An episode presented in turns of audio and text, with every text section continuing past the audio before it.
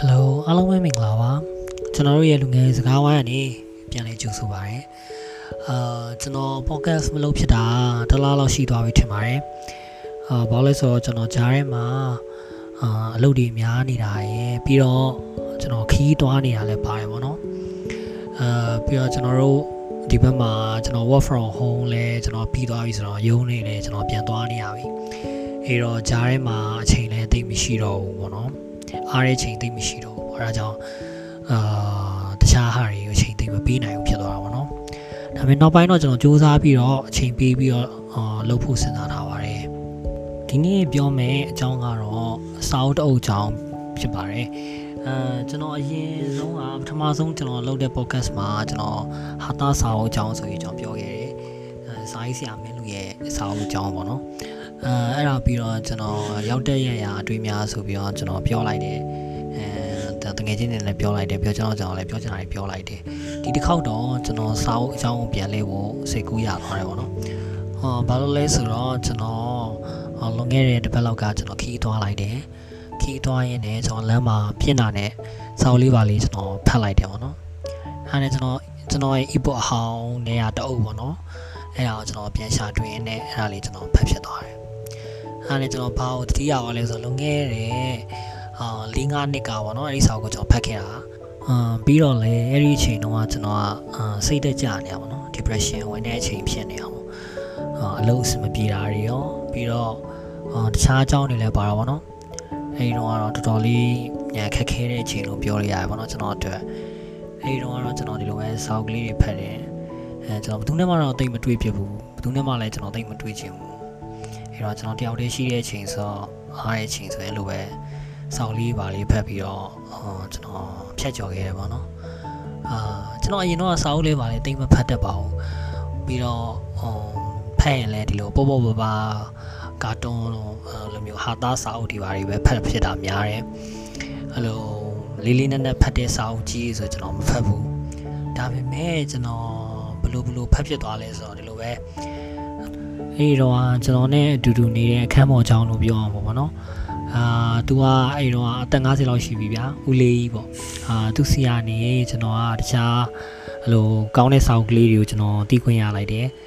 အဲ့လိုနဲ့ကျွန်တော်အဲ့ဒါလေးတွေဖတ်ရင်းနဲ့ကျွန်တော်ကြိုက်တဲ့စာရေးဆရာကြီးဆိုကျွန်တော်မှတ်ထားတယ်မှတ်ထားရင်းနဲ့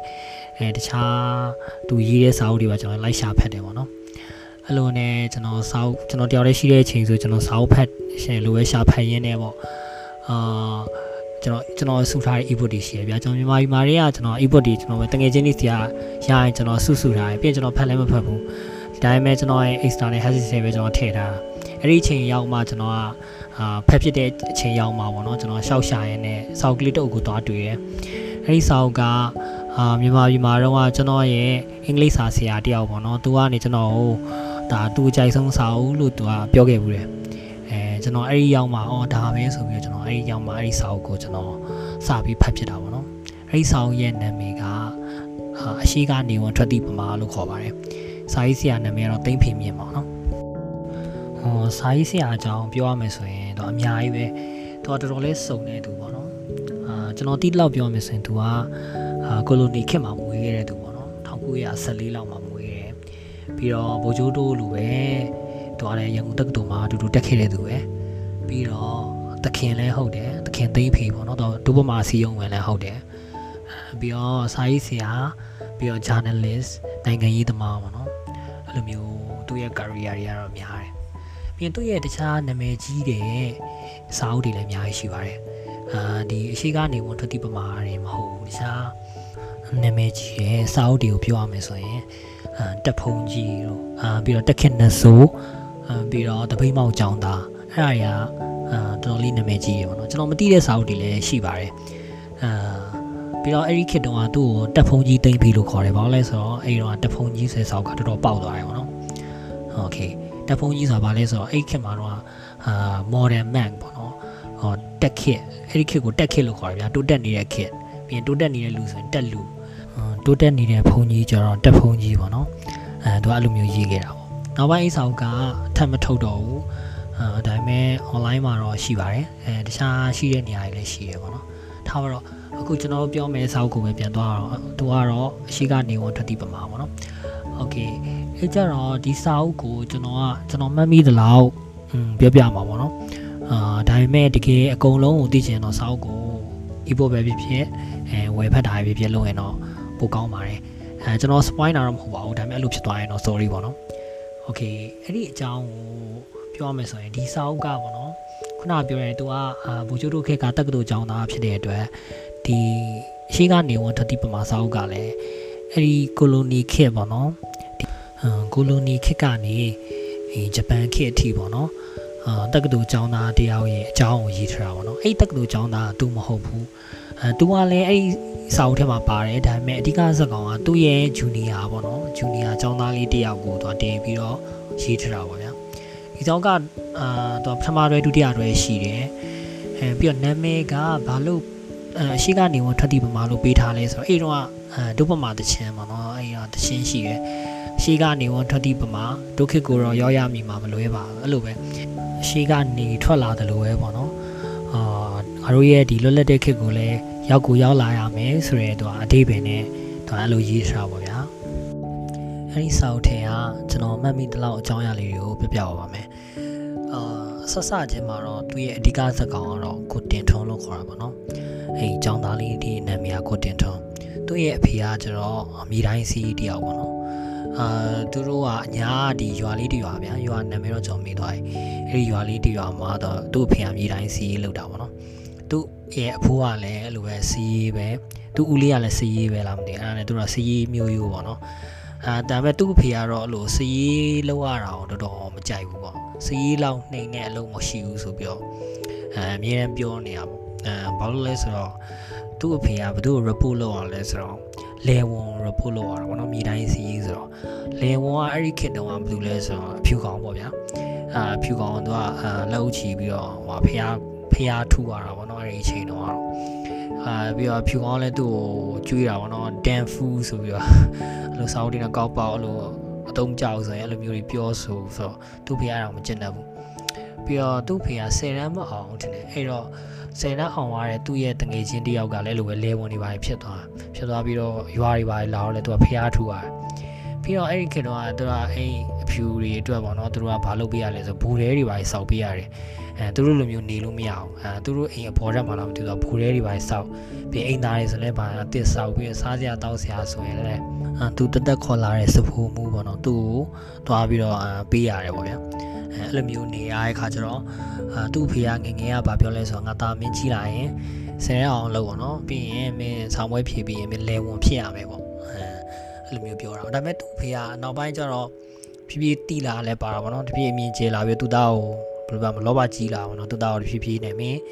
ဆယ်အောင်ပြီးတော့လဲကောလိပ်ကျောင်းသွားရမယ်ကောလိပ်သွားပြီးရင်မင်း BA အောင်ရမယ်ပေါ့အဲနောက် BA အောင်ပြီးတော့လဲနောက်ဆို ICS ဆိုတာသူတို့ခေတ်တုန်းက ICS ဆိုတာခေတ်စားတာပေါ့နော် ICS အောင်အောင်မယ်ပေါ့အဲ့လိုဖြစ်လာပေါ့အမ်ခုနကအဲဇက်ကောင်မနော်ចောင်းသားအိမ်အိမ်မောင်တင်ထွန်းကလည်းတော့လဲစာတော်တဲ့သူပေါ့အဲတော့လေးတဲ့အဲ့ဒီကတော့လေးတဲ့နေပါရီဒီအောင်သွားပြီးတော့ scholarship တွေပါရှိတယ်အဲ့ဒီမှာလဲ scholarship ရတယ်အဲ့ဒါနဲ့စင်စင်ဆဲအောင် ဆဲအောင်ပြီးနောက်ဆုံးတော့ပဲဖြစ်လာလဲဆိုရန်ကုန်တက္ကသိုလ်ပေါ့နော်ရန်ကုန်တက္ကသိုလ်မှာဒါ college ကျောင်းသားပေါ့အဲ college ကျောင်းသားဖြစ်သွားတယ်ပေါ့အဲ့ဒီအချိန်ကတမိုင်းနောက်ခံကိုပြန်ကြည့်မယ်ဆိုရင်တော့ဘယ်အချိန်လဲဒုတိယကမ္ဘာစစ်မဖြစ်ခင်အချိန်ပေါ့နော်အာဖြစ်ခံဒီအချိန်ပေါ့ပြီးတော့အဲ့ဒီအချိန်တုန်းကဘာတွေဖြစ်နေလဲဆိုတော့အော်ဒီကိုလိုနီနိုင်ငံတွေတော်တော်များနေတာလွတ်လပ်ဖို့အတွက်ကြိုးစားနေတဲ့အချိန်ပေါ့နော် ပြီးတော့အဲ college ဒီ college ကျောင်းသားတော်တော်များများလည်းဒီနိုင်ငံရေးစိတ်တွေနှိုးချနေတဲ့အချိန်လို့ပြောလို့ရအောင်အဲဒီမှာတိုးပမာစီယုံတို့ဘာတော့လဲပေါ်လာပဲအမှအမှကျောင်းသားမောင်တင်ထုံးอ่ะပေါ့နော်ကမာယုကဒီသူတို့တခင်တွေပေါ့အဲမှာဒီရန်တက္ကသိုလ်ဝန်တွေက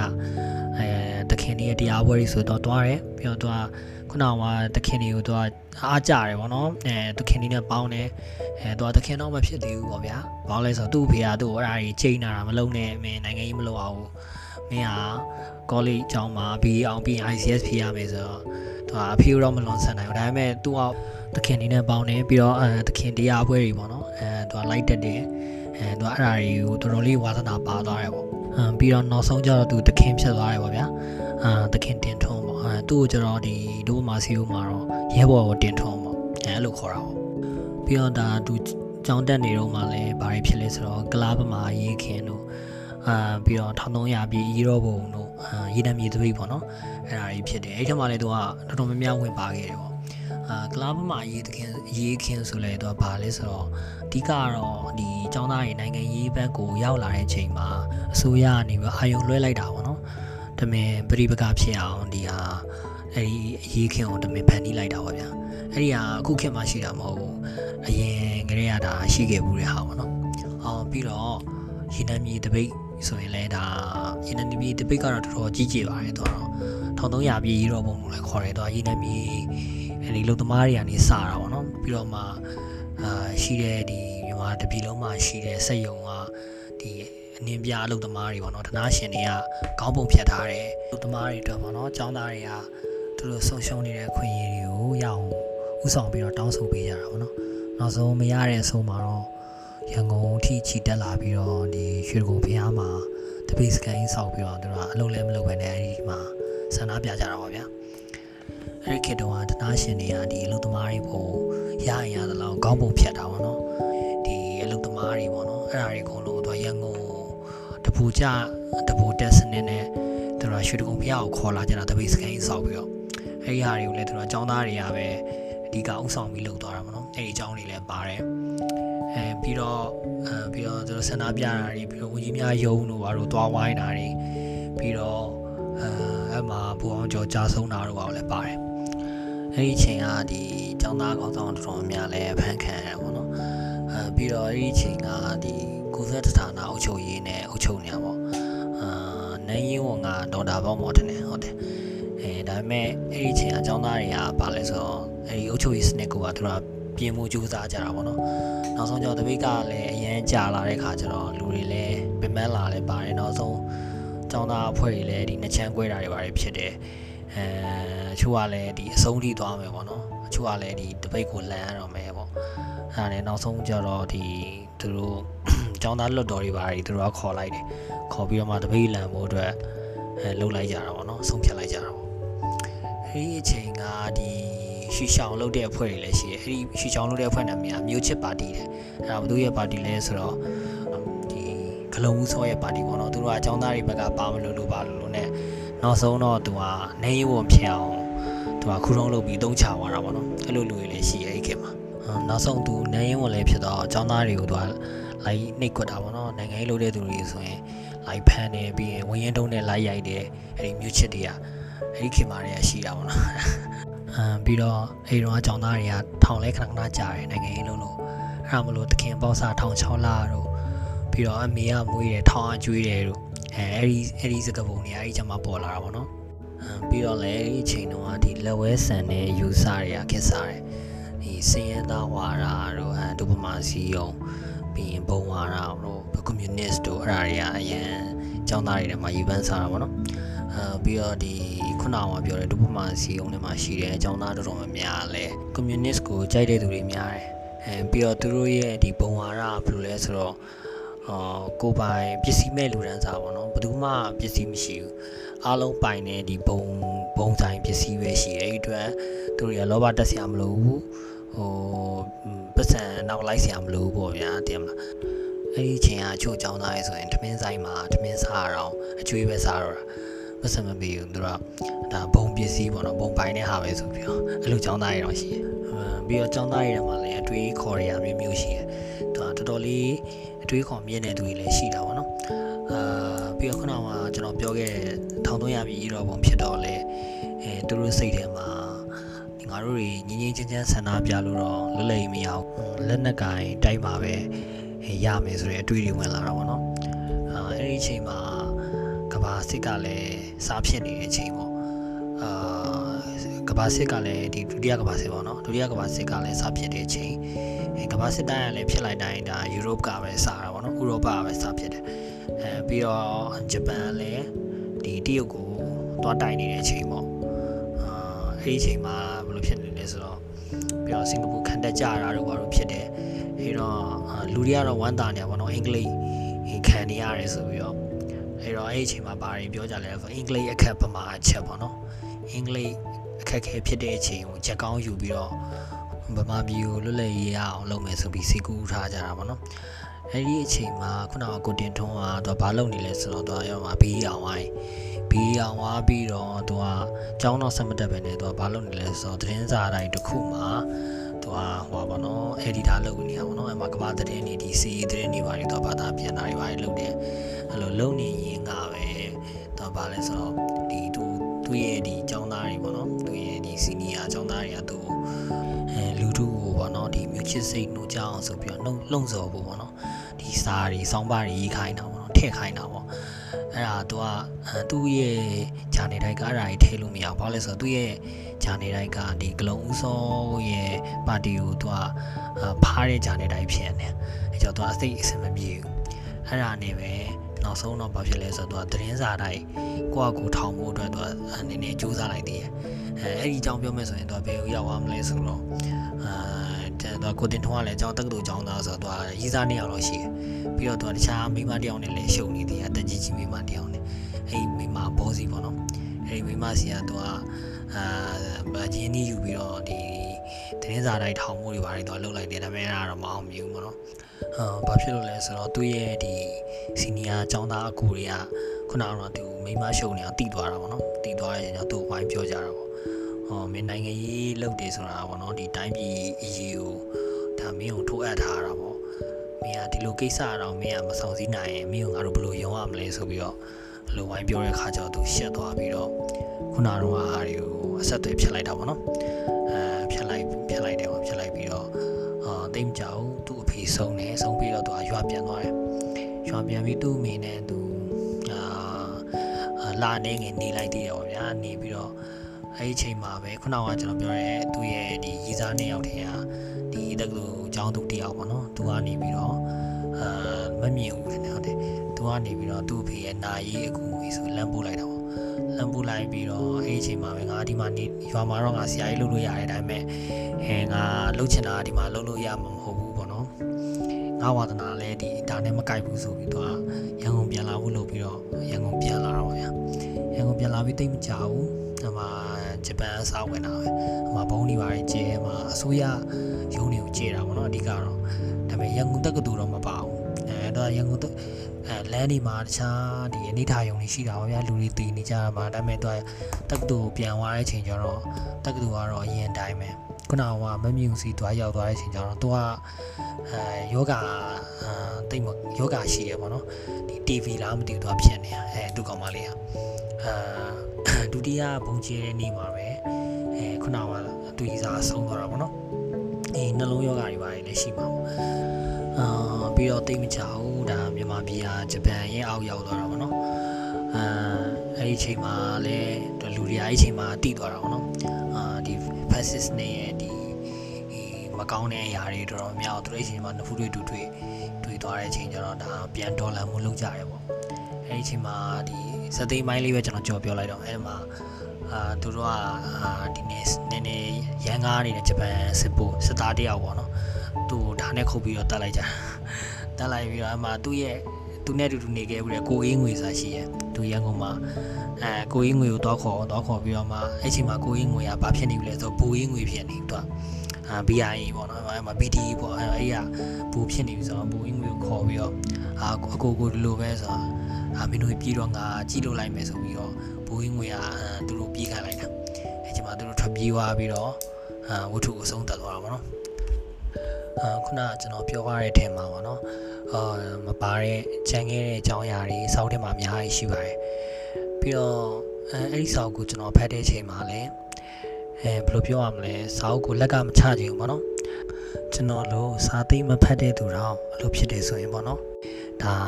စာဖတ်နေတဲ့သူစာအုပ်ကိုချစ်တဲ့သူဆိုရင်ဒါပို့ပြီးတော့အောင်ကြိုက်မယ်လို့ကျွန်တော်ထင်ပါတယ်အာပြီးတော့အခုဒီစာအုပ်ကဗာလဲဆိုတော့သူ့ရဲ့တမိုင်းနောက်ခံနေဟာအာစိတ်ဝင်စားဖို့ကောင်းတယ်ပြီးတော့အချို့အရာတွေပေါ့နော်အချို့အရာတွေဆိုရင်ဒါကျွန်တော်လက်ရှိဖြစ်နေတဲ့အရာတွေနဲ့ချိန်ဆပြီးတော့သင်ခန်းစာရေးစရာလေးပါမယ်လို့လည်းကျွန်တော်ထင်တယ်ဆိုတော့အာအဲ့ဒီစာအုပ်ကိုဖတ်ကြည့်ပါပေါ့နော်ဒါတော့ပါပဲ အခုဆိုရင်ကျွန်တော်ကျွန်တော်အခု podcast လုပ်တာဆိုရင်ညဘက်ပဲပေါ့နော်ကျွန်တော်လုပ်ဖြစ်တော့တယ်ဘာလို့လဲဆိုတော့နေကင်းဘက်ဆိုရင်ကျွန်တော်အလုပ်ကအာရုံးနေပါတယ်တွားပြင်းနေပါတယ်တွားနေရတော့ ကျွန်တော်လည်းမအောင်ရပြန်နေပြန်လာတဲ့အချိန်မှာပဲကျွန်တော်ဟောညဘက်ပေါ့နော်အာတမရရဲ့အိတ်တဲ့အချိန်မှာပဲကျွန်တော်အာအတန်သွင်းပြတာပေါ့နော်